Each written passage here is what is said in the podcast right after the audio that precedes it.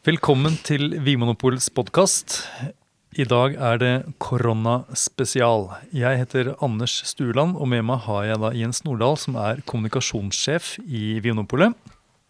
Og du Jens, du er jo en trollmann med statistikk og Excel, og du overvåker jo salget eh, gjennom året eh, kontinuerlig.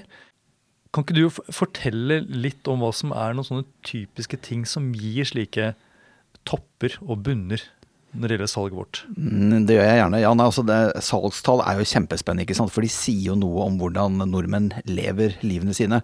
Og hvis jeg skal være litt jålete, så vil jeg kanskje si noe sånt som at eh, salgstallene nesten er en sånn slags symfoni, tallmessig symfoni da, over, over, nordmenns liv til hverdags. For vi kan jo se hvor folk oppholder seg, eh, hva slags temperaturer det er. For også folk drikker jo mer eh, rødvin når det er kaldt, ikke sant, og hvitvin når det er varmt osv. Eh, vi kan jo se når det, folk skal feire noe. Vi kan jo Og da det var cupfinale her for noen år siden, og, og, Molde møtte Ålesund, ikke sant, så var det jo store deler av fylkets befolkning som var i Oslo på cupfinale. Så da kunne du nesten se hvordan salget flyttet seg fra Molde og Ålesund da, til, til, Oslo, ikke sant, når, når, de, når, de, var på besøk hos oss her i Oslo. Eh, og nå i disse dager så er det jo eh, er det veldig spennende tider, og det er litt alvorlige tider også. Så heldigvis så, så viser vel koronatallene på landsbasis at, denne, at epidemien ikke, ikke, akselererer voldsomt for tiden, og det er vi veldig glad for. Eh, og så skal vi nå snakke litt om, om salgstall og, og, og, den type ting. Og så ser vi jo det at salgstallene på Vinmonopolet de oppfører seg jo rart i disse tider. Men da for å returnere litt sånn pedagogisk da, til spørsmålet ditt, Anders. Eh, hva er det av ytre forhold som påvirker salgstallene til polet? Det er jo en rekke ting. Og det er egentlig også veldig fascinerende å se hvordan salget til Vinmonopolet er jo en funksjon av en hel rekke eh, fenomener og mekanismer i samfunnet som polet selv ikke kan kontrollere godt vær, f.eks. Eh, kommer det en hetebølge, så blir vi jo litt sydlandske og henter fram vår indre sydeuropeer, ikke sant. Og da er det jo Hetebølger er jo da som oftest om våren eller om sommeren, og da er det jo hvitvin og rosévin vi kjøper mer av. Eh, og så er man jo da litt sydeuropeiske sånn helt i starten, og jo lenger hetebølgen varer, jo mindre effekt får den. ikke sant? Så det er en, avtagende eh, effekt her. Um, andre ting, hvis vi ser litt historisk på det, hvis vi tar de siste 20 årene, vi så det f.eks. Eh, metanolsaken var jo skummel. Eh, det var jo da snakk om eh, eh, smuglersprit som kom, hvis ikke jeg husker helt feil, så enten fra Portugal eller Spania, eh, som inneholdt metanol, og som tok eh, livet av tragisk nok eh, par og tyve nordmenn høsten 2002-2003. Da sånn så vi jo veldig momentant en økning av mm, brennevinssalget for vår del, Vimopols del. Eh, særlig da på det man kan kalle østsiden av Langfjellet, altså fra Trøndelag og ned til eh, Østfold i et rektangel der. Eh, tilbake for ti år siden så var det også slik at Vinmonopolet åpnet veldig mange nye butikker hvert år, og det var også konvertering til selvbetjening. Det var jo eh, noe vi gjorde eh, på eh, bestilling fra politikerne. Eh, det var politikerne som ønsket flere pol, og det var politikerne som ønsket uh, selvbetjente butikker uh, istedenfor disk. Og dette var da to mekanismer som gjorde at Vinmonopolet solgte mer. Jeg kan jo si at dette styrte vi jo litt selv også, i den forstand at det var vi som da på en måte forbedret tilgjengeligheten. Så det, vi kan ikke kalle det en ytre påvirkning, men i hvert fall da var det en salgsøkning som følge av forbedret tilgjengelighet. Eh, så så vi det at eh, når eh, Eller vi ser det at f.eks. når innreisekvotene til landet blir litt større, og det skjedde jo både med da Kristin Halvorsen var finansminister, tilbake igjen i 2006, tror jeg det var, og 1.7.2014, da Kristin, da unnskyld, Siv Jensen var finansminister, Frp. da økte jo innreisekvoten første gang da med Kristin Halvorsen med én flaske, og med to flasker, altså helflasker. da, Halvannen liter med, med Siv Jensen. Ved begge disse anledningene så gikk jo Vinmopolets salg ned, eh, som følge av at da grensehandel og taxfree økte. Eh, vi så f.eks. at under finanskrisen da økte salget vårt litt, og sånn sett så var vi litt sånn motkonjunkturbedrift. Var det noen som sa, og så kan man liksom spekulere på hvor riktig var egentlig det. Altså Finanskrisen, var jo, det var jo en varslet krise som egentlig aldri kom i Norge. Eh, med unntak av et verft på Stord som måtte stenge, og noe, noe annet småplukk eh, på, på, Vestlandet, så tror jeg egentlig Norge suste og gikk som eh, vanlig, stort sett. Men daværende statsminister Jens Stoltenberg, og ikke minst Sigbjørn Johnsen, finansminister på den tiden, det var jo veldig tydelig overfor norsk, norsk befolkning om at nå måtte man sette eh, næring etter tæring, eller hva det heter. Også at man måtte skru ned på sitt eh, private konsum. Og det folk var veldig flinke til da, var å flytte en del av konsumet hjem, eh, så man gikk mindre ut på byen. Det medførte jo at en del barer, restauranter og kafeer gikk konkurs. Men eh, det var også veldig negativ vekst i eh, flytrafikken.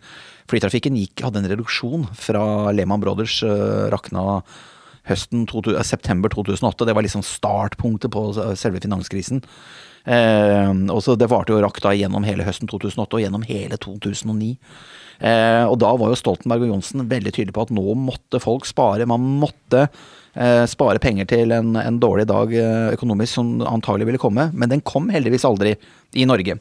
Så, og Et veldig godt eksempel på at vi da når, når det var mindre taxfree-salg og mindre salg på restauranter, så det, ga det en vekst på Vinmonopolet på rundt 5 målt i liter, mot en vanlig vekst på den tiden på kanskje 2,5% eller et eller annet sånt noe. Eh, vi har også bare lyst til å legge kort til det, Anders. Systembolaget, da de åpnet en ny butikk i Strømstad 15.6.2012, vi så jo det over natten, ikke sant, at vårt salg gikk jo ned betydelig på østlandsområdet. Denne butikken alene selger jo 8 millioner liter, tror jeg det er, vareliter. Halvparten riktignok øl, da. Men altså, den type ting som dette her, eh, eksternaliteter, påvirker jo Vinmonopolets salg enten opp eller ned. Og ikke minst da også koronaen, da, for det er det vi skal snakke om i dag. Mm. Ja, fordi kan ikke du ta oss da tilbake ja, to uker og fortelle litt om hva som har, eh, hva som har skjedd på Vinmonopolet i den sammenhengen? Jo, det kan jeg godt. Ehm, det begynte jo egentlig den 12. Eh, mars. Altså det var jo den dagen hvor regjeringen la frem sin kraftfulle tiltakspakke. Det, det var da det ble unntakstilstand i Norge, og barnehager og skoler ble, ble stengt med øyeblikkelig virkning, og alle som kunne det, måtte ta hjemmekontor, og på en måte man ble sterkt oppfordret til ikke å reise kollektivt lenger. Eh, vi så en liten nervøsitet i, i salgstallene våre onsdag den 11. Eh, mars nå i år. Eh, da var det jo litt sånn, det verserte jo rykter på sosiale medier, og en del leger og sånn var ute og sa liksom, nå må dere holde barna deres hjemme fra skolen, og dette mener vi er god medisin, for å si det sånn. Eh, så det var nervøsitet å spore i befolkningen, eh, også i våre salgstall. Så noe var i emning, det kunne vi se, men det var liksom i, etter at regjeringen hadde lagt frem denne pakken sin eh, unntakstilstanden på, på, torsdag den 12. mars. Det var først da at det nærmest ble en da, da, så vi at folk gira om noe voldsomt.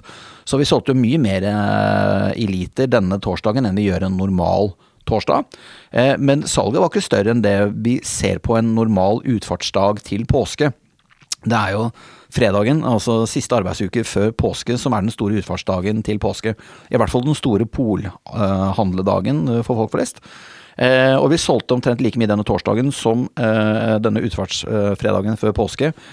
Eh, så literstallet kunne minne om utfartsdagen, men også sammensetningen av salget. Og det vil da si at pappvin, eller kartongvin, eh, utgjør en veldig stor andel.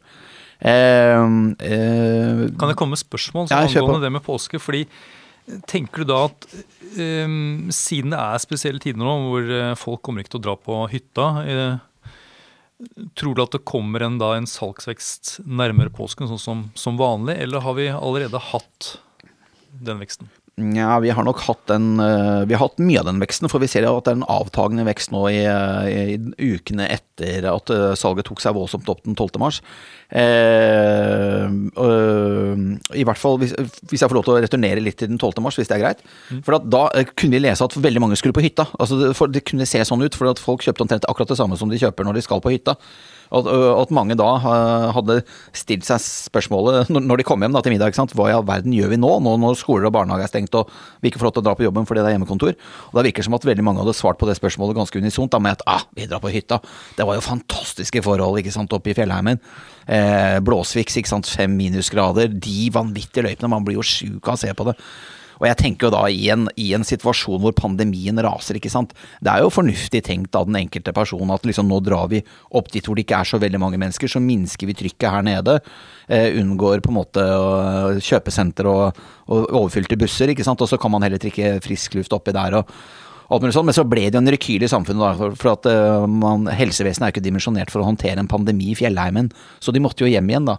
Så det, det, Vi var jo tidlig ute og sa i media da den torsdagen og fredagen at uh, antagelig så skal mange dra på hytta. Det kan se sånn ut i forhold til våre salgstall. Og det stemte jo også. Og da denne uken, altså uke 11 eh, som det da blir, uh, da solgte vi jo 2,1 millioner liter på landsbasis. Det sier jo ikke den jevne lytter så veldig mye, men altså en gjennomsnittlig uke i fjor, i 2019, så solgte vi 1,6 millioner vareliter i løpet av en vanlig uke. Så påske, Altså 2,1 millioner liter, det er det samme som vi selger omtrent i påske. Eh, påskesalget er mye lavere enn det vi selger til jul. Til jul, så siste, siste seks salgsdager før jul, så siste salgsuke før jul, så selv, solgte vi i fjor 4,8 millioner liter. Sånn at, øh, og det er klart at liksom, Her begynte ting å røre på seg i vårt salg, og dette syns journalistene er spennende. Så da begynte de å ringe oss da, du, med masse spørsmål om øh, og De ville jo liksom, de ville jo skrive om den ene krisen etter den andre, men sånn var det heldigvis ikke. Det var jo ikke noe krise i salgsmessig for, for polet, da. Ja. Men eh, hva er det som, så denne økningen eh, hos oss, hva er det som skjuler seg i, i de tallene? Ja, eh, Det er et veldig godt spørsmål og veldig viktig å få frem. For det vi jo ser, er jo at eh, veksten vår kommer jo for det meste, eller altså den kommer jo i hele landet, eh, men den kommer eh, aller mest østlige områder i Norge. Altså de områdene av Norge hvor grensehandel normalt er et problem. Drar man til en by som Kongsvinger eller Halden, så vet vi at der selger vi omtrent halvparten av det vi selger per innbygger på, på landsnivå. Eh, kanskje bare en tredjedel av det vi selger i andre byer, som man kunne sammenlignet, eh, sammenlignet, eh, sammenlignet seg med. Så vi, vi, skjønner jo veldig raskt da når vi ser at det er Viken, altså gamle Østfold, da, østlige deler av eh, Akershus, Hedmark osv. Når det er der veksten kommer, så, så, er det en veldig interessant observasjon. Mye av svensk, altså Grensa til Sverige er jo stengt. Hjemmevernet patruljerer jo eh, grensene nå for første gang på 100 år, siden 1905 og unionsoppløsningen. Eh, og jammen er det ikke også sånn at vi hører da litt sånn humoristisk meldt i VG i går at de gamle smuglerrutene, altså der hvor man uh, fikk over uh, kanskje da jøder og, og, motstandsfolk, ikke sant, under annen verdenskrig, disse rutene her sånn, de er nå blitt åpnet da med, fordi noen kjører med firehjuling over da og skal grensehandle, ikke sant. Sånn at det, det er jo rare dager i, i skogstraktene oppe, opp, oppe i Hedmark. Men uansett, altså grensehandelen har jo da helt stoppet opp. Eh, grensehandelen utgjør jo antagelig så mye som 12-13 millioner vareliter i løpet av et år. Eh, og dette er nå liter som i stor grad, eh, for en kortere periode, vil finne veien til oss, og som allerede gjør det. Men vi ser også det at altså det man kaller Horeka-markedet, altså hotell, restaurant, catering, altså alle skjenkestedene, puber, barer, kafeer osv., de er jo stort sett stengt. Og de som ikke er det, har nok veldig få eh, få gjester. Massevis av hoteller er stengt, og folk er permittert. Så hele dette skjenkesalget har jo også stoppet opp over natten, og til og med i Oslo er det jo helt stengt. Kranene er skrudd igjen. Sånn at uh, det er helt opplagt at mye av dette, dette skjenkesalget finner også veien til oss. Og så har jeg nå senest i dag lest uh, tall fra Avinor hvor de sier at uh, flytrafikken er ned med over 90% i forrige uke og over 80 uken før der. Mye av dette er jo selvfølgelig da utenlandstrafikk, så det er klart at taxfree-salget er jo også mer eller mindre skrudd helt av. Så det er klart at sånn som vi begynte med her innledningsvis, ikke sant. Det er jo en rekke eksternaliteter som påvirker Vinmonopolets salg, og det er da at både grensehandel, taxfree og serveringsbransjen stenger ned samtidig, det er jo da tre game changere oppå hverandre. Mange av disse literne finner jo veien til eh, Vinmonopolet utvilsomt i, i disse dager. Og det gjør at vi da hadde et, et påskevolum på salget Eh, i forrige, unnskyld, uke 11, eh, altså den uken da regjeringen la frem tiltakspakken sin, så holdt det seg på det nivået også da i uke 12. Og, vi, og i forrige uke, uke 13, den som begynte da med mandag 23., så, så, solgte vi noe mindre. Da var det ned til snaut to millioner liter. Og så ser vi da inneværende uke, selv om dette er siste uke før påske, og normalt da salget skal være økende, så ser vi at akkurat nå så er jo salgen minkende i forhold til uh, uken før. Så kan det jo også virke som at det er en del folk som har fylt opp varelagerne sine. Uh, men uh, jeg vil på ingen måte kalle det hamstring. Dette var en av de første liksom, krisepåstandene som journalistene ringte om. ikke sant? Nå er det vel slik at nordmenn hamster. Men det har vi virkelig ikke sett. altså. Det er nesten sånn man bør takke det norske folk for at Eh, de ikke har hamstret. Det har vært en, eh, et jevnt tilsig av nye kunder, men kundene opptrer ekstremt rasjonelt eh, og har ikke vært hamstring. Jeg hadde kontakt med en dansk journalist i helgen som er korrespondent i London, og han sa at der på eh, i London, og han viste meg bilde av det, så var jo hyllene helt blåst. Altså De var helt tomme for vin og brennevin. Og sånn er det jo ikke eh, på Vinmonopolet. Vi har bra med varer i butikkene, og det er veldig bra med varer i pipeline, altså i Kjømda. Grossistene melder ikke om noen problemer i leveringskjedene bakover. Så dette er jo noen av disse krisene som eh, journalistene har ringt oss med de, de, siste dagene. Altså hamstring, nei, det har vi ikke hatt. Eh, Problemer med vareforsyning, nei, det har vi heller ikke hatt, og det ser vi heller ikke konturene av i fremtiden. Så ting ruller og går sånn sett ganske normalt for vår del. Med, interessant nok, vi har færre kunder. Færre kunder nå enn en vanlig uke. Men allikevel eh, så har vi hatt et eh, økt salg. Ja. ja. Og dette handler jo om endret kundeatferd, ikke sant. Men altså, du sier da at kundene de har jo eh, ikke hamstret. De har eh, egentlig oppført seg eh, veldig fint. Ja, rasjonelt. Eh, og hvorfor, hvorfor, tror du at de gjør det? De vil unngå unødvendige handleturer. Jeg tror folk har blitt flinkere til å planlegge. Og vi ser jo det at liter per transaksjon, altså liter per kunde, har jo økt. Før koronaen så kjøpte folk 2,12 liter Det tror jeg det er, eh, på Vinmonopolet. Nå etter koronaen så ligger det på noe over 3, altså 3,12 eller 3,2 eller et eller annet sånt. Så folk kjøper en ca. en liter mer per transaksjon. Det tror jeg det gjør fordi at uh, de har blitt flinkere til å planlegge. Uh, de ønsker å luke vekk unødvendige handleturer. Kanskje er også dette et uttrykk for at man hjelper folk sånn at de kan luke vekk sine handleturer. Kanskje tar man og sier til naboen at vet du hva, jeg skal på polet, jeg tar, tar med en flaske til deg, eller kjøper inn til en, et familiemedlem, eller hva det måtte være. At man har blitt flinkere til å handle for hverandre. At dette også er et uttrykk for en form for dugnadsånd. Eh, fordi vi vet jo det, at vi har jo fått veldig mange nye kunder eh, i løpet av de siste ukene. Det rapporterer jo butikkene våre i nord om, altså der hvor, hvor, det er grense mot Finland og Russland. ikke sant? Eh, og det rapporterer jo også butikkene våre i Østfold og Hedmark, for å bruke den gamle eh, fylkesstrukturen. Der sier våre folk eh, at eh, vi ser veldig mange nye kunder i disse områdene.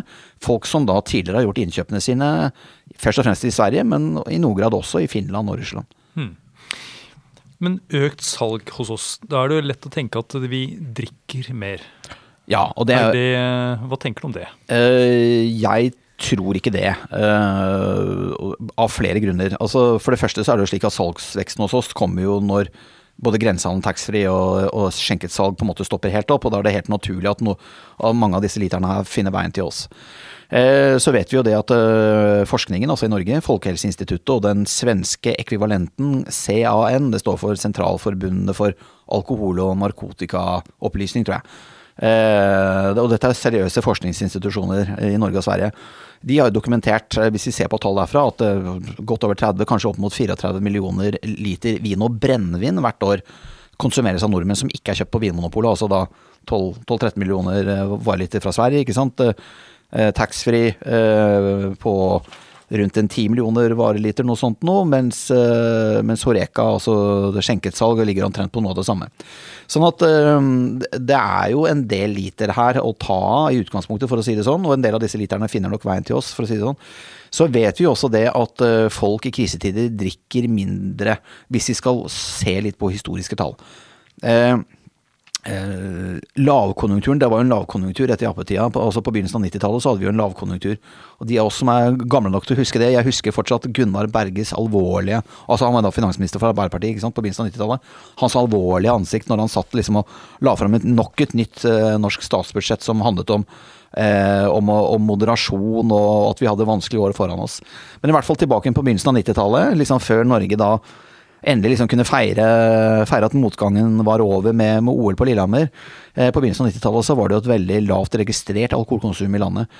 Eh, det lå vesentlig lavere. Eh, jeg har ikke finregnet på det, men det må vel ha ligget i hvert fall 20-25% under det det gjorde under jappetiden, ikke sant? hvor det var litt mer tøylesløst og kanskje litt mer sånn festivitas rundt omkring. Eh, så i hvert fall da var det en økonomisk krise, eh, hvor vi solgte mindre, og hvor det også konsumet gikk ned i Norge.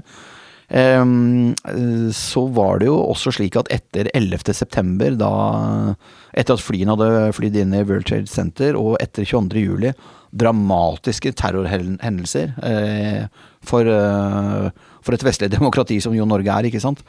Ehm, eh, da ringte jo journalistene til meg og spurte om ja, nå er det vel sånn at salget hos dere har økt. fordi at journalistene så jo da for seg liksom at nordmenn satt hjemme og skalv av redsel, og da skulle døyve redselen med brennevin og annen alkoholholdig drikke. Så sjekket vi jo salgstallene til Vinmonopolet, og så så vi at salget vårt gikk jo ned. Det gikk jo ned etter disse dramatiske hendelsene. Eh, vi skal være veldig forsiktige med å konkludere, men jeg tenker det at det å tro sånn på autopilot at folk drikker mer når verden blir vanskelig, det er en kausalmekanisme som jeg på ingen måte eh, vil gå god for personlig. Jeg kan heller ikke se at tallene mine, eller tallene våre, viser at så er tilfellet. Og jeg tenker også at eh, jeg håper fortsatt at det er litt vikingblod igjen i årene våre, for å si det sånn. Altså at vi makter å reise oss opp og stå der med rak i ryggen og med brystkassa liksom eh, stolt hevet og liksom kjempe litt mot når det, når det, er det som kreves av oss, sånn som jo situasjonen er nå. Det er jo ikke fest og ferie Erna Solberg har invitert oss til. Det er jo en nasjonal dugnad for å stoppe en global pandemi, og jeg syns jo at uh, nordmenns respons på dette, det er jo nydelig å se rent generelt i samfunnet hvordan, hvordan folk jo Altså hvordan eh, pandemirestriksjonene til regjeringen og helsemyndighetene har stor oppslutning i befolkningen. Men også veldig flott å se eh, hvordan folk støtter dette. Eh, altså Over 90% av befolkningen er jo helt enig at dette er riktig medisin. Vi ser jo den fine utviklingen i, i smitte og, og antall sykehusinnlagte som ikke øker noe særlig. Eh, og det er jo grunn til optim forsiktig optimisme, som Helsedirektoratet selv sier det. Og så ser vi også hvor rasjonelle kundeatferden er i våre tall. Da. Vi ser jo hvordan folk over natten greier å øh, institusjonalisere en ny praksis. For vi ser jo også det uh, at uh, salget vårt går jo ned Eller altså kundetrafikken går jo ned på fredager og lørdager, som er de to store dagene våre. Altså Vi har langt færre kunder på fredag og lørdag, og de flytter seg til mandag, tirsdag og onsdag, som i utgangspunktet er små dager. Så det er ekstremt rasjonell kundeatferd. Uh, vi blir altså da mindre eksponert for hverandre i, uh, i butikkene våre når, når man handler på Vinmonopolet. Og skulle det være, skulle det være risiko for at det er litt for mange folk i butikkene våre, så vil jo ikke det inntreffe nå, vet du, for vi har leid inn maktmannskap, og de står der og dusjer hendene til kundene med sprit før de får lov til å gå inn. sånn at det er jo et veldig regulert antall eh, kunder i butikken samtidig, og som holder god avstand til hverandre. Og jeg har jo selv vært og handla på polet, mitt eh, kjære nærpol Kolbotn her eh, i forrige uke, og jeg ble, jeg ble dusja hendene med sprit selv, jeg. Fantastisk praksis butikkene våre har der, og vi må skryte litt av butikkene våre, Anders, når vi først nå er inne på det. For en jobb de gjør, altså. De holder hjulene i gang. Eh, økonomien eh, ruller og går som den skal, og det, er, eh, og det er bra. Regjeringen er jo veldig opptatt av det, ikke sant? Men jeg lurer på en ting, og det er hvis det hadde vært slik at vi måtte stenge, ja. at vinmonopolbutikkene fikk beskjed om å stenge, for i Sør-Afrika f.eks., så har de jo stengt alt salg av alkohol. Så hvis det hadde skjedd i Norge, hva tenker du hadde vært konsekvensene da? Ja, Det tror jeg ikke hadde vært så lurt, og det skal vi snakke litt om. Og så var jo dette et av disse ryktene, da, en av disse krisene som journalistene ringte oss om for et par uker siden. ikke sant? De trodde da at polet skulle stenge. Det var rykter som verserte om det i sosiale medier og, og i befolkningen. og Eh, og sikkert også i det politiske miljøet. Og det nådde jo også oss som jobbet med kommunikasjon i Vinmonopolet. Mange snakket om dette her, og, og, våre folk i butikkene fanget jo også opp, ikke sant. Så, øh, og jeg skulle svært gjerne liksom hatt øh, festet elektroder på et sånt rykte, så man kunne se hvor, hvor, det, hvor er det starter hen, og hvordan det sprer seg. For dette tror jeg går fort, altså. På landsbasis. Utrolig fascinerende hvordan, hvor veldig mange var opptatt av dette ryktet. Uh, men det var jo helt feil. Det var jo ikke noe rykte som holder i. Og både Kjell Ingolf Ropstad fra Kristelig Folkeparti og Erna Solberg har vært ute og dementert og sagt at det kommer ikke på tale å stenge Vinmonopolet. Og så stiller du her spørsmål om hva i all verden blir konsekvensene. Nei, altså En helt åpenbar konsekvens er jo dette med økonomien som er inne på sted. Det er jo viktig nå å holde hjulene i gang, ikke sant. Vi har allerede over 300 000 arbeidsledige i Norge. For noen uker siden så var det 60 000 eller enda færre. ikke sant? Sånn at det er jo en vanvittig eksplosjon i antall arbeidsledige. Eh, det hadde jo blitt noen ringvirkninger av at Vinmonopolet hadde holdt stengt, altså rent sånn økonomisk. Det hadde vært noen transportører og noen grossister som, som hadde måttet permittere folkene sine, så det hadde vært negative økonomiske ringvirkninger. Så tror jeg er et veldig viktig punkt. Altså, jeg tror det hadde blitt litt Jeg tror ikke folk hadde gått ut i gaten og gjort opprør, men jeg tror folk hadde blitt litt sånn Altså Vi ser hvordan hytteforbudet hvordan det har satt sinnet litt i kok. Jeg tror at eh, Om polet hadde stengt, så tror jeg det hadde satt sinnet i kok enda mer. Eh, jeg tror at uh, dette ville skapt Jeg tror det ville vært et forbud som hadde som, kunne, som veldig mange hadde hatt problemer med å forstå. Også rent personlig så er jeg vel egentlig aller mest redd for de langsiktige alkoholpolitiske konsekvensene. For er, vi, vi, er nå i en helt unik historisk situasjon. Vi har egentlig ikke noe særlig å sammenligne med når det gjelder en global global pandemi. Men vi har jo hatt perioder tidligere med forbud, brennevinsforbud i Norge, og ikke minst stengte pol som følge av polstreiker på 70-tallet og 80-tallet. Eh, og, og også, Brennevinsforbudet det ligger jo snart 100 år tilbake i tid, så det er, det er, ikke sikkert vi kan lære så mye av det. Men det som uansett skjedde under brennevinsforbudet, var jo at var folk eh, ble jo ekstremt uh, kreative i det å unngå dette ombudet, det, det, i dette forbudet mot mot brennevin, og det, snakket, det, har vi snakket om tidligere i en tidligere podkast her, så jeg trenger ikke å gå på en måte i detalj i det. Men eh, under polstreikene på 70- og 80-tallet så var det jo slik at eh, spritsmuglerne eh, ble jo etablert som et samfunnsproblem. For da eh, var jo polet stengt eh, noen uker eller noen måneder, eh, og det skjedde jo ved en par-tre anledninger. og da var det jo da som sagt altså kriminelle som fikk fikk eh, forretningsideen sin klekket ut på den måten. Altså, man fikk jo da etablert et, et eh, nettverk med, for distribusjon av smuglersprit, som da kom fra Sør-Europa. Og det er jo morsomt nok. Altså, det, det, er jo noe filmatisk over dette. For at, altså, det var jo det var Kai, altså vår gamle administrerende direktør, eh, som fortalte dette. Og alle vi som kjenner Kai, eller kjente Kai, vi, vi, han var to meter høy ikke sant, og en ekstremt energisk og kraftfull fyr. Og det var ikke tegn til svakhet i den mannen der. Det var virkelig en handlingens mann. Eh, men han fortalte da en historie fra sin barndom, og han kommer fra Ski, utenfor eh, altså, tre mil sør for Oslo. ikke sant? Eh, og da liksom, kan man jo danne seg da et bilde av en litt sånn støvete gate i Ski da, på tidlig 60-tall. Der hvor småguttene liksom sykla rundt og falt av sykkelen og slo seg på, slo seg på kneet. Eh, kanskje når de flyktet unna da, liksom, gatas store skrekk, for det var én gutt i denne gata som ga absolutt alle gutta bank vår kjære direktør Kai inkludert. Og det var en fyr som het Erik, eller Erik Fallo. Og det var han da som ble Norges store spritkonge, ikke sant. Smuglerspritkonge. Så 30 år senere, eller 40 år senere, da, eller kanskje egentlig 50 år senere, etter at uh, Eirik Fallo ga Kai Henriksen uh, grisebank uh, i Ski, så satt de da på en måte han ene som Norges største spritsmuglerkonge, og Kai Henriksen altså administrerende direktør i Vinmonopolet. Så er, jeg får, ikke håpe at det er symbolikk i den historien der. Men jeg syns allikevel det er noe voldsomt film, filmatisk over det, altså. Ja. ja, vi får jo håpe at ikke får håpe at vi fremdeles kan holde åpent. Ja, det, det, må vi ta utgangspunkt i. Og folka våre gjør en fantastisk innsats der. De holder jo hjulene i gang. Vi har jo heldigvis ikke hatt noen problemer med, med, noe, med noe sykdom i butikkene våre, som jeg kjenner til. Eh, og uh, Nei, altså de er eh, vi, vi, jo, vi, vi, må jo sende en varm hilsen til, til, alle som står på nå for å drive Norge rundt, enten det er sykepleiere eller renholdere eller på en måte yrkessjåfører eller folk i butikk våre egne butikker inkludert, Anders. Er du ikke enig i det? Ja, jeg er helt enig. Så det er jo egentlig fine ord å ha på slutten av episoden, er det ikke det, Jens? Eh, jo, er det noe mer vi skulle snakket noe om da? Det er jo um, eh, i så fall det at uh, det er, uh, Rødvin går jo opp, mens musserende viner går ned.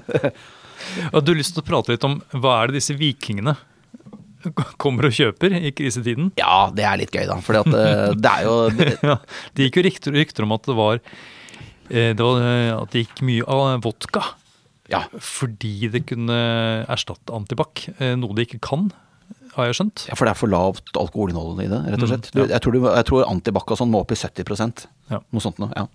Og det selger jo ikke vi. Altså, Den lovlige grense går på 60% ja, gikk det mye vodka, da? Nei, det gjorde Nei. ikke det. det. Nå har vi jo en økt kundetilstrømning i hele landet som følge av at alle disse andre kanalene er stengt. Og vi har jo også um, uh, vi, har, vi, har, jo et økt salg, så det er helt naturlig at egentlig de fleste varegrupper øker i salg. Det gjør jo også brennevin, men brennevin øker jo veldig mye mindre enn totalsalget øker. og for eksempel altså i en normaluke så utgjør jo vodka ja, nærmere 5 av, av salget vårt.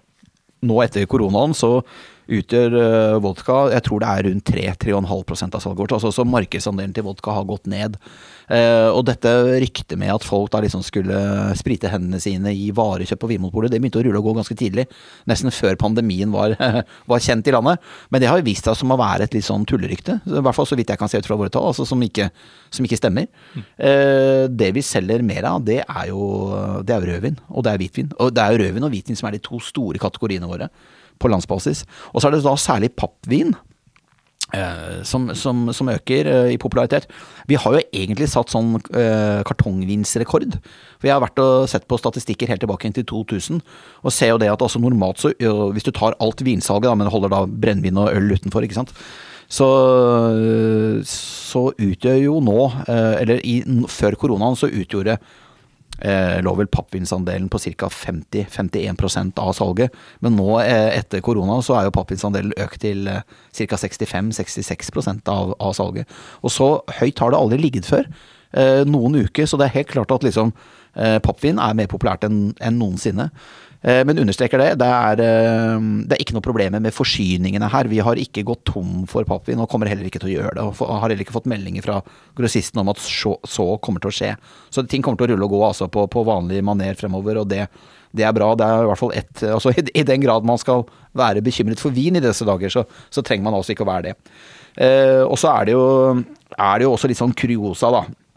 Som vi nevnte vel så kort så, så, vidt det var her i sted, musserende vin. Det er gjerne ansett da liksom som, som festivitas-drikken, ikke sant. Det man, det man, drikker når man skal markere noe spesielt eller feire noe sammen med andre, ikke sant. Det, det, det går ned faktisk nå i mars. Altså Salget av musserende vin går ned, og også salget av champagne.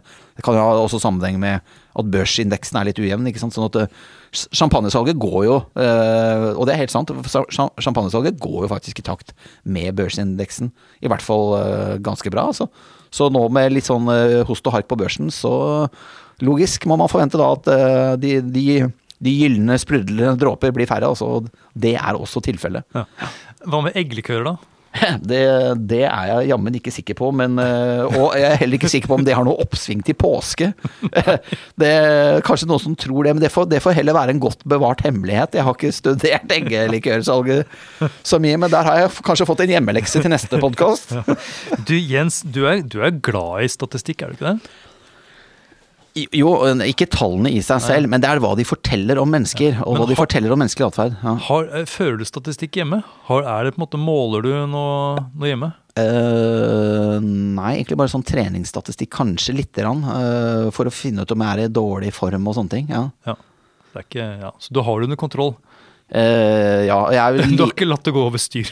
Nei, jeg har, jeg, sånn sett har jeg det under kontroll også. Jeg, jeg har det. Og så um, ja, jeg føler, jeg føler, vel det. Ja, ting er under kontroll. Og, og det, det, får vi også tro at det er i forhold til koronasituasjonen. Vi får, eh, det virker vel som at det går den riktige veien for Norge nå, uten at vi skal kunne konkludere med det her i studio i dag. Men vi får vel kanskje ta eh, Helsedirektoratets ord og gjøre det til våre, nemlig det er grunnlag for forsiktig optimisme. Mm, ja, vi sitter jo med god avstand til hverandre her i studio, det kan vi jo bare si.